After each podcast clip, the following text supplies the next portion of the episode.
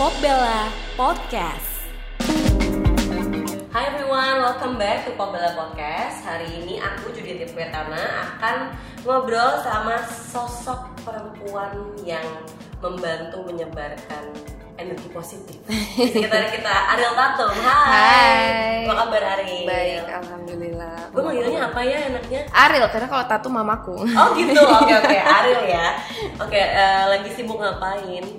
Eh, sekarang ini lagi sibuk eh, kerjaan di dunia entertain masih ada ya karena masih ada beberapa kontrak. Tapi selain itu juga masih eh, mencoba nih perlahan-lahan eh, mengambil langkah kecil untuk membantu menyebarkan kesadaran masyarakat seputar kesehatan mental.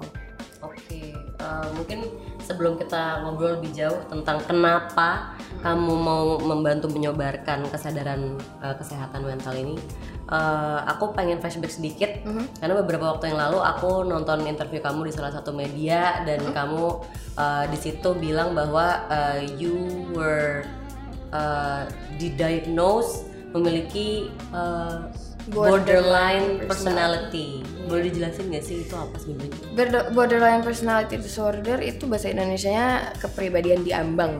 Mhm. Kepribadian ambang. Jadi it's a personality disorder.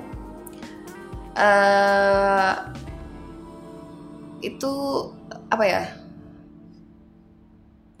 Apa sih namanya? Symptoms, symptoms itu bahasa Indonesia? Eh, ya symptoms apa sebenarnya? sangat mencoba untuk ngomong pakai bahasa Indonesia yang bikin benar terus gitu sih?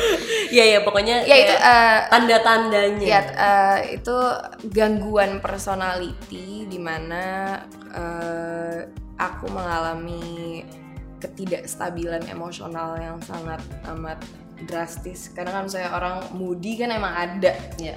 apa eh, kelompoknya sendiri. Nah, kalau misalnya salah satu simptom saya BPD ini dia sangat drastis banget emosionalnya.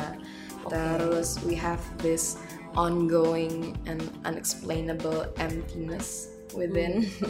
Jadi itu agak sulit banget. Oke. Jadi eh, untuk sampai didiagnosa BPD pun itu perjalanannya sangat panjang. Jadi kalau misalnya siapa pun pendengar yang rasa oh gue juga kayak gitu, jangan langsung mengkonklusikan bahwa kalian BPD karena you have to go through such long and winding road banget untuk sampai sini karena banyak di banyak orang yang mikir oh itu bipolar, oh itu multiple personality disorder, oh itu mood disorder, oh itu severe depression. Jadi harus eh, diteliti lebih lanjut dan panjang. Waktu pertama kali kamu tahu eh, dan didiagnosis itu setelah melalui proses apa aja tuh? Kan pasti kan eh, udah sempat ngobrol sama eh, dokter juga dan ahli-ahlinya juga gitu. So how long was the process sampai kamu didiagnosis punya BPD? Ini aku agak cerita back sedikit ya. Jadi aku pertama kali banget tahu that there is something wrong with me itu waktu aku umur 13 tahun when I first attempt my uh, my suicide attempt. Hmm. Jadi beberapa tahun sebelumnya aku emang suka self harm, tapi aku masih Itu belum sebelum terlalu 13 sadar. tahun Ya, berarti? itu sekitar se- se- hmm, 11 on the way ke 12 gitu aku suka self harm. Terus aku constantly feel depressed, terus aku ngerasa kayak apa ya? Gue ngerasa ada kekosongan yang gue juga nggak tahu aku ngerasa aku hidup berkecukupan keluargaku. Aku dekat sama keluarga. I was raised uh, in such a loving home. Jadi aku ngerasa kayak nggak ada alasan gue untuk merasa seperti ini gitu. Tapi saat itu kamu udah waktu kamu pertama kali self harm pun kamu sebenarnya udah ngomong gitu nggak ke diri sendiri kayak kok gue ngerasa gini ya? Kayaknya I don't udah have any udah banget uh, udah reason banget to feel Tap- this way. Uh, tapi aku masih tetap masih mencoba untuk kayak cari coba di internet kenapa ya kayak gini terus oh stres doang karena aku pada saat itu masih nggak nggak nggak nggak familiar dengan term depresi gitu loh. Oke. Jadi pas umur 13 tahun aku mencoba untuk bunuh diri. Habis itu di situ aku ngerasa kok oh ini nggak benar nih gue harus coba cek ke uh, minta bantuan profesional. Oke. Pada saat itu aku udah mulai kerja, tapi aku masih dikasih uang jajan sama mamaku. Jadi aku simpen uang aku perlahan-lahan. Abis itu aku cari psikolog. Oke. Aku cari psikolog, satu psikolog, dua, tiga, empat, lima. Aku ngerasa nggak ada yang cocok karena aku ngerasa dijudge Sama psikolog. sama psikolog tersebut. Dengan satu kali pertemuan mereka bisa bilang kayak oh iya kamu punya bipolar. Terus I try to look it up, aku cari buku dan lain-lain sebagainya. Dan aku nggak ngerasa oh I don't think this is me. Kayak ini bukan hal yang gue rasain gitu loh. Terus multiple personality disorder itu bertahun-tahun banget sampai akhirnya Oh aku gitu. Jadi sebenarnya di diagnosisnya tuh bu- Random, bukan langsung BPD. bukan bukan jauh banget. Terus aku ngambil aku sampai sepenasaran itu sampai aku ngambil eh, kuliah jurusan psikologi di Atma Jaya. Oke.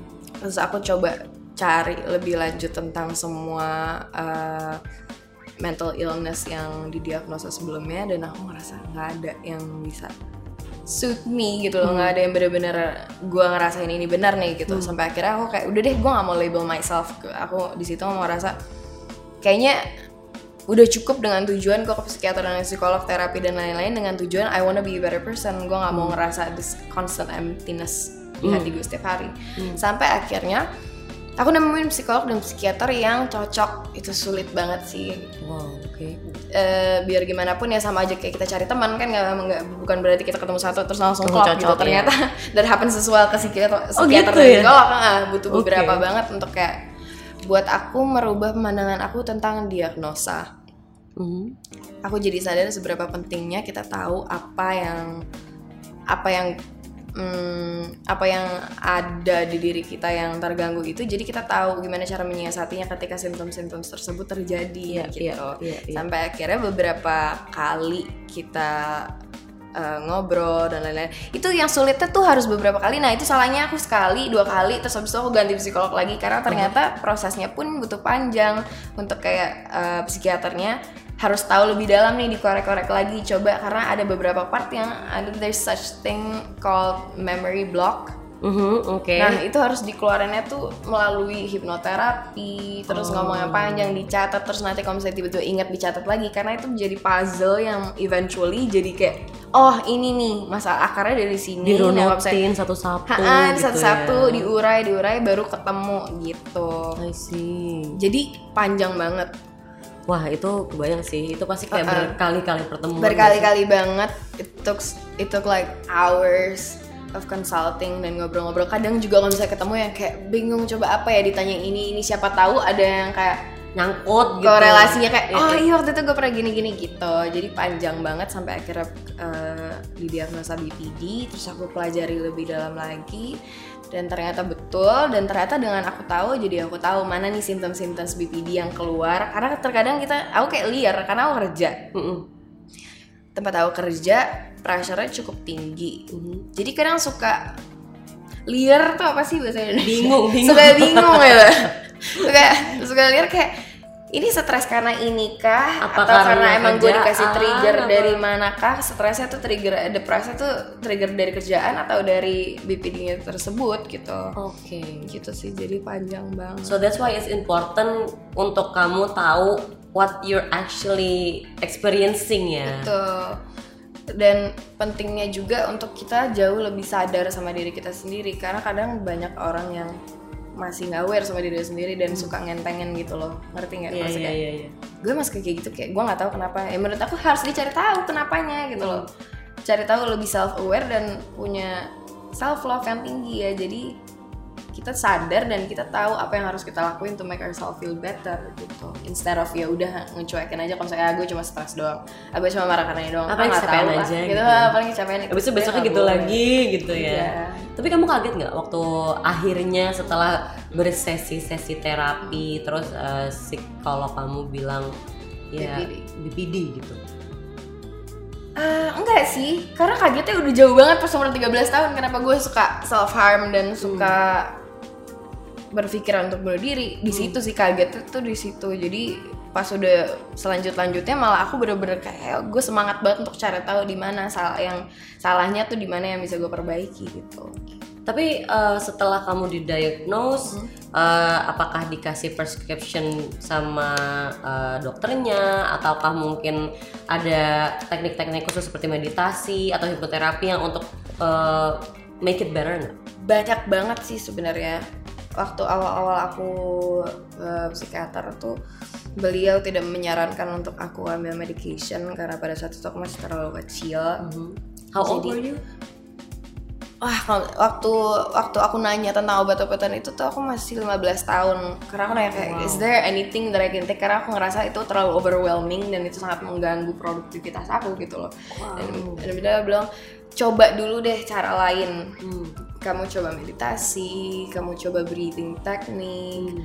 Ternyata banyak banget teknik bernafas yang bisa membantu kita mengurangi stres dan depresi tersebut. Terus aku suka ngelukis kan aku suka ngelukis terus aku suka buat buat puisi jadi di situ dia coba untuk ya udah kalau sekarang apa pun yang kamu rasain kamu coba keluarin ke hobi kamu tersebut gitu. Either ngelukis atau Lukis atau- nulis. Mm-mm, betul. Terus buat jurnal tentang gimana rasa perasaan kamu hari ini. Hmm. jadi kamu bisa look back lagi oh kemarin gue ngerasa ini bisa nge-detect. Jadi apa coba triggernya yang buat lo ngerasain ini? Tapi pernah nggak kayak lagi iseng-iseng lihat uh, jurnal mungkin kayak beberapa hari beberapa minggu beberapa bulan lalu terus kayak wow I really felt that way back then. Banget banget. Makanya itulah pentingnya jurnal. Ketika aku baru nulis aku baru sadar bahwa sorry ada dua kemungkinannya Hmm. satu kayak wah gila gue pada saat hari itu beneran se parah itu ya semrawut itu yang Iya, gue iya. rasain atau dua yang kayak wah ternyata gue cuma ngerasa itu kok kayak it's not that big of a deal ternyata gitu Hmm. loh jadi itu fungsinya kita punya jurnal jadi kita lebih tahu oh hari ini gue ngerasa kayak gini. Coba kemarin-kemarin gue pernah ngerasain ini juga nggak? Dengan trigger yang sama kah? Atau serupa gitu? Jadi kita lebih kenal sama perasaan kita sendiri gitu. Waktu pertama kali uh, keluarga tahu gimana reaksinya?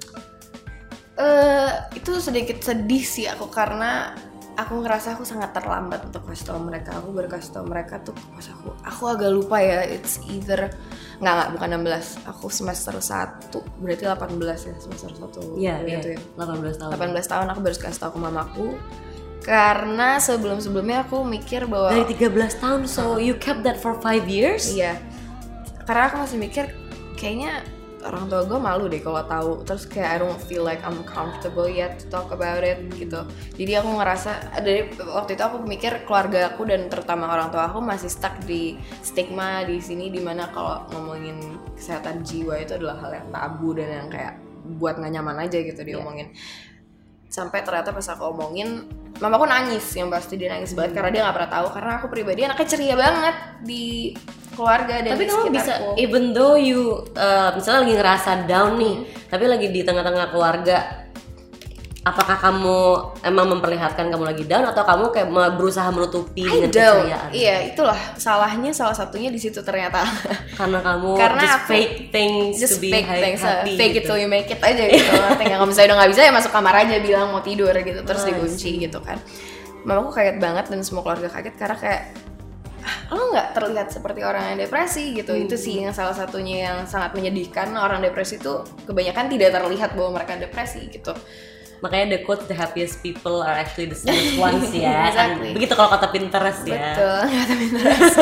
ya jadi kaget dan ternyata se- sejak saat itu benar-benar uh, keluargaku, terutama yang inti mama papaku dan adikku benar-benar pengen tahu lebih coba apalagi ceritain apa yang harus gue tahu dan mereka cari tahu sendiri terus kayak if there's anything that we can do to help it to make it better dan to make it faster kasih tahu aja kita willing untuk membantu sampai kapan pun itu gitu sih jadi susah nggak untuk akhirnya memutuskan oke gue mesti ngasih tahu nih orang tua dan keluarga gue Hmm, enggak sih, karena di titik itu aku udah ngerasa gue nggak boleh buat ini seakan-akan hal yang tabu untuk dibicarakan gitu. Jadi gue harus pede dulu bahwa ini hal yang normal, ini hal yang wajar.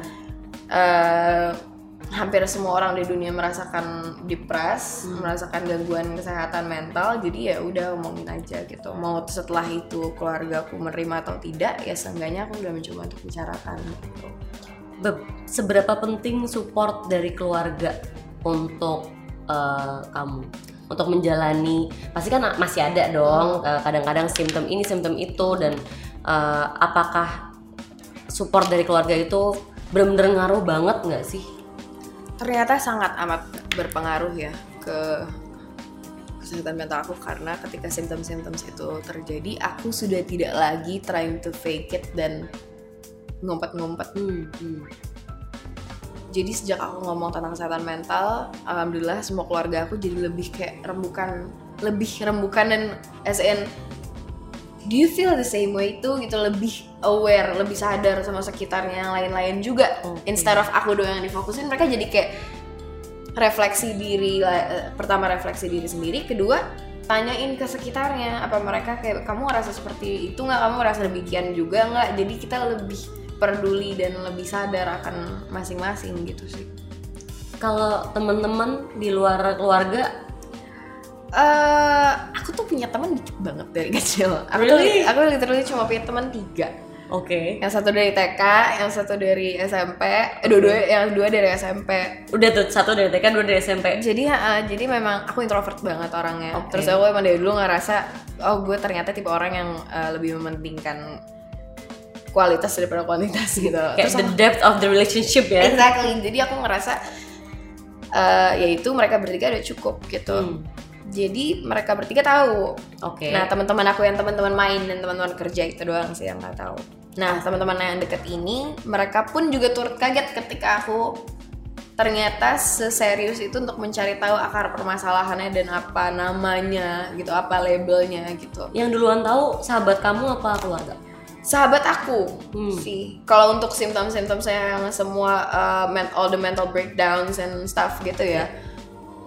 Cuma mereka juga orang yang mereka taunya di, di waktu yang sama sama aku pas didiagnosa Oke. karena mereka pun juga masih tabu akan hal tersebut Ah. mereka yang kayak ya ya people feel depressed it's normal gitu ya tapi mereka nggak pernah mencari tahu lebih dalam karena mereka pun nggak punya masalah yang sesevere aku pada saat itu. It- itu susah nggak sih maksudnya eh, akhirnya kamu berani ngomong ke publik eh, dan kamu bilang bahwa oke I have this condition. Uh, I'm sharing this because I want to help other people. Tapi untuk kamu bisa come out to the public that you have this uh, situation? Berapa lama sampai akhirnya kamu oke gue gue bisa lama share? banget. Aku pertama aku nggak pernah terpikir sih sebelumnya untuk kayak bener-bener mau ngomongin publicly tentang kesehatan mental aku sampai di titik di mana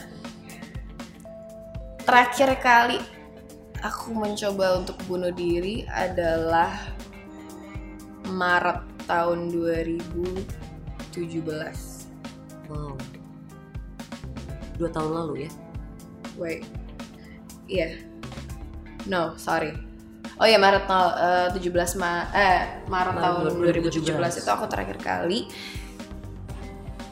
Setelah itu setelah aku eh, batalin rencana tersebut aku bersumpah sama diriku sendiri I wanna make a difference at least to those yang terdekat sama aku Hmm.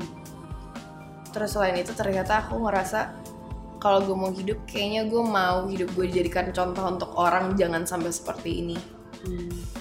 I wanna do something to people yang gini susah ya jelasinnya sorry ya. Kayak aku mau eh, mencoba membantu orang yang merasa apa yang aku rasakan untuk mereka nggak jadi separah aku. Hmm. di situ akhirnya aku memutuskan kapan ya waktu yang tepat karena aku menyiapkan dirinya dulu pun juga sulit gitu karena kayak do I really wanna do this? Sekarang ini menyangkut uh, lumayan banyak orang aku nggak tahu kalau keluarga aku I don't know if they'll be okay with this or not gitu. Iya. sampai akhirnya ternyata aku dapat support dari keluarga aku. Jadi aku baru open up tuh tanggal 19 Oktober yang lalu Berarti takes two years tuh Terus, untuk ya. maju mundur ya. maju mundurnya untuk, eh, untuk terbuka itu dua tahun. Dan sampai di titik acara ketika aku udah yakin pun itu masih deg-degan banget. Jadi aku pertama kali aku buat acara tuh aku didampingi sama Kang Maman Suherman Kang Maman tuh tahu tentang kondisi aku. Sama Dokter Liza Marieli beliau adalah psikolog aku pribadi. Oke. sampai di hari H pun dia pegang tangan aku are you sure you wanna do this are you ready to do this? Dan aku kayak I think I do. Gitu kayak bener-bener masih ada ragu tapi kayak oke let's do this cause I really wanna do this. Dan kita udah di hari H tapi ada keraguan sedikit masih kayak wah gue nggak tahu sih. Dan dan kita di situ acara yang tanggal 19 Oktober itu aku buat seminar itu pada saat itu aku masih ngebahas tentang pengetahuan mendasar seputar kesehatan mental. Hmm. tapi aku sharing tentang pengalamanku untuk pertama kalinya. Di situ kita nggak punya red lines kita eh, kita mau ngebahas tentang apa-apa aja. Pokoknya eh, dokter Liza punya PPT yang mau di sharing dan aku akan cuma sharing pengalamanku pribadi. Dan di situ aku nggak pernah mikir kayak aku akan cerita sejauh apa. Nggak pernah ada yang kayak dokter Liza sama mamaku sampai coba kamu catat kamu mau cerita sejauh apa seterbuka apa Iya, gitu iya, dan aku bener-bener I have nothing in mind jadi aku bener-bener spontanely aja ngomong di atas panggung dan pas aku naik ke atas panggung tuh aku deg-degan parah. Karena aku nggak tahu aku mau terbuka terbuka apa. Sampai akhirnya aku ngomong dan ternyata aku willing to go that far gitu loh. Dan ternyata aku bener-bener gue mau jujur deh sama semuanya. Gue mau jujur dalam eh, acara ini dan seterusnya. Karena aku ngerasa I know how it feels to be alone dan ketika aku mencoba ini sorry aku agak loncat-loncat ceritanya ketika aku pertama kali mencoba untuk sharing wise words dan quotes quotes dari uh, Pinterest gitu yang tentang your soul and your peace of mind banyak orang yang cerita eh, DM ke aku bahwa oh ya kak I feel this way I feel Itu sebelum kamu- da." sebelum Itu 19 Oktober nih ya? sebelum 19 Oktober itu sampai akhirnya gue ngerasa oh ternyata gue nggak sendirian kok ternyata banyak yang seperti itu. Tapi mereka kebanyakan bilang nggak tahu mau ngapain gitu loh ngerti nggak? Sedangkan aku ngerasa I'm blessed enough to be able to have such high awareness of myself dari umur 13 tahun sampai aku mencari sendiri psikolog dan psikiater karena aku sadar sendiri bahwa aku butuh bantuan profesional gitu loh. Dan ternyata mereka masih banyak yang bingung harus ngapain. Jadi ya I might as well share my experience. Untuk siapa tahu aku bisa bantu membuka pemikiran orang-orang bahwa it's okay to be not okay gitu Iya, iya, iya, iya. Tapi waktu kamu dua tahun itu maju mundur mau share segala macam eh, tentang pengalaman kamu, tentang how you feel, itu kan pasti dalam jeda dua tahun itu kamu juga banyak kerjaan juga, kamu mesti pasti ada syuting juga, ada ini ada itu. Simptom itu eh, pernah balik lagi nggak within those two years? sering. Dan uh, honestly dua tahun terakhir aku vakum. Aku baru balik lagi ke dunia entertain itu sejak 19 Oktober itu. Aku nggak vakum completely karena aku masih ada kontrak brand ambassador juga sama satu pihak. Tapi di luar itu aku nggak pernah kerja apa pun.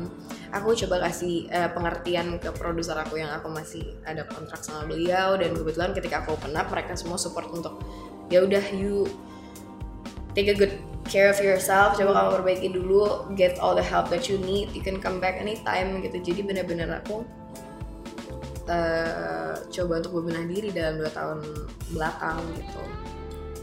Ngaruh nggak sih uh, waktu kamu lagi kerja dan atau kamu lagi dalam situasi yang memang mungkin stressful karena kerjaan atau karena eksternal uh, external things lah ya?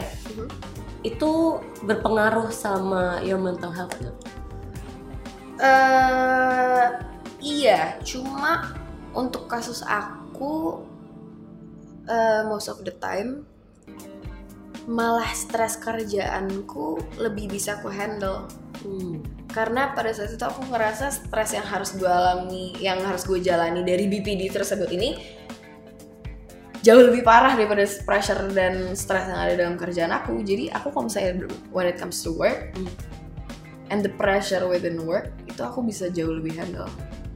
Karena itu lebih eksternal gitu karena itu lebih eksternal dan menurut aku lebih iya lebih di luar kendala eh, di luar apa? Di luar Ken- di luar apa sih? tidak di luar kendali. Kena enggak ya di luar kendali aku Hmm. bahwa kayak ya udah itu terjadi ya ya udah ikhlasin aja. Kalau misalnya yang BPD ini kan benar-benar kayak wah ini this is from within gitu. Gua nggak bisa nggak kontrol gitu. I see. Terus kalau uh, boleh tahu sekarang ke depannya Ariel mau ngapain supaya bisa share more uh, awareness tentang mental health? Karena kita juga sama-sama tahu mungkin di Indonesia belum seterbuka di luar negeri sana tentang mental health. Masih banyak orang yang menganggap ini tabu. Masih banyak orang-orang yang kayak tadi kamu bilang kamu aku ngerasa gitu juga tapi ya aku kenapa ya? Atau mungkin lebih kayak downplay it. Ya udah gue stres. Oke lah mungkin jangan kerjaan aja gitu kan. Apa yang lagi kamu rencanakan ke depan? Eh, rencananya ke depan aku akan terus berbagi cerita aku berjuang eh, berjuang di kesehatan mental aku pribadi. Ke depannya aku mau buat seminar-seminar dan workshop-workshop yang temanya lebih mengerucut lah. Hmm. gitu untuk kita sharing-sharing. Jadi small classes gitu. Terus tidak menutup kemungkinan juga untuk aku bekerja sama dengan pihak mana pun yang punya tujuan yang sama yaitu membantu lebih mengedukasikan masyarakat Indonesia seputar kesehatan mental. Hmm. gitu. Jadi apa pun yang bisa aku bantu silakan bisa hubungi aku di email aku yang ada di Instagram. Mhm. karena I would love to help you guys Itu kan pasti banyak banget tuh langsung yang kayak pengen cerita gitu. Hmm. Pernah ngerasa overwhelmed nggak dengan uh, cerita-cerita dari teman-teman atau mungkin pasti kan dengan kamu membaca cerita atau curhatan orang kan pasti juga kadang-kadang empati, it affects you. gitu. Pernah nggak ngerasa overwhelmed? eh overwhelmed in a way jadi suatu energi yang positif yang membuat aku lebih semangat lagi deh. Ayo nih banyak banget ternyata. Karena banyak banget yang email aku tentang kayak kak aku cuma butuh mau ngeluarin unek-unek aku doang. Aku pengen ngomong doang. Ini semua masalah aku. Dan kirim kayak 8 page full of their story gitu ngerti nggak? dan aku ngerasa ada yang beberapa aku relatable ada beberapa yang kayak wah gue nggak tahu how you feel ya about that. Karena gue bener-bener nggak pernah ngalamin tersebut.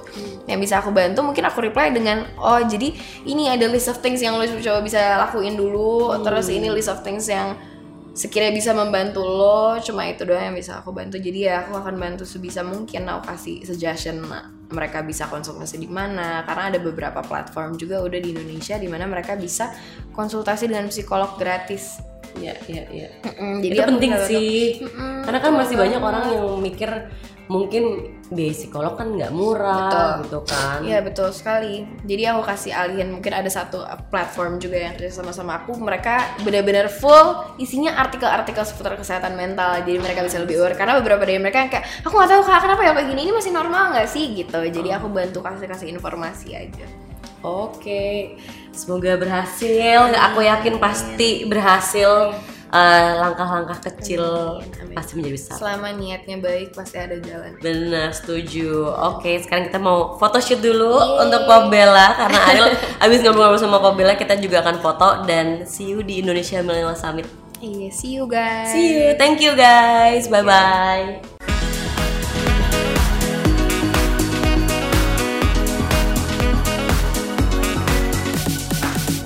Pop Bella Podcast.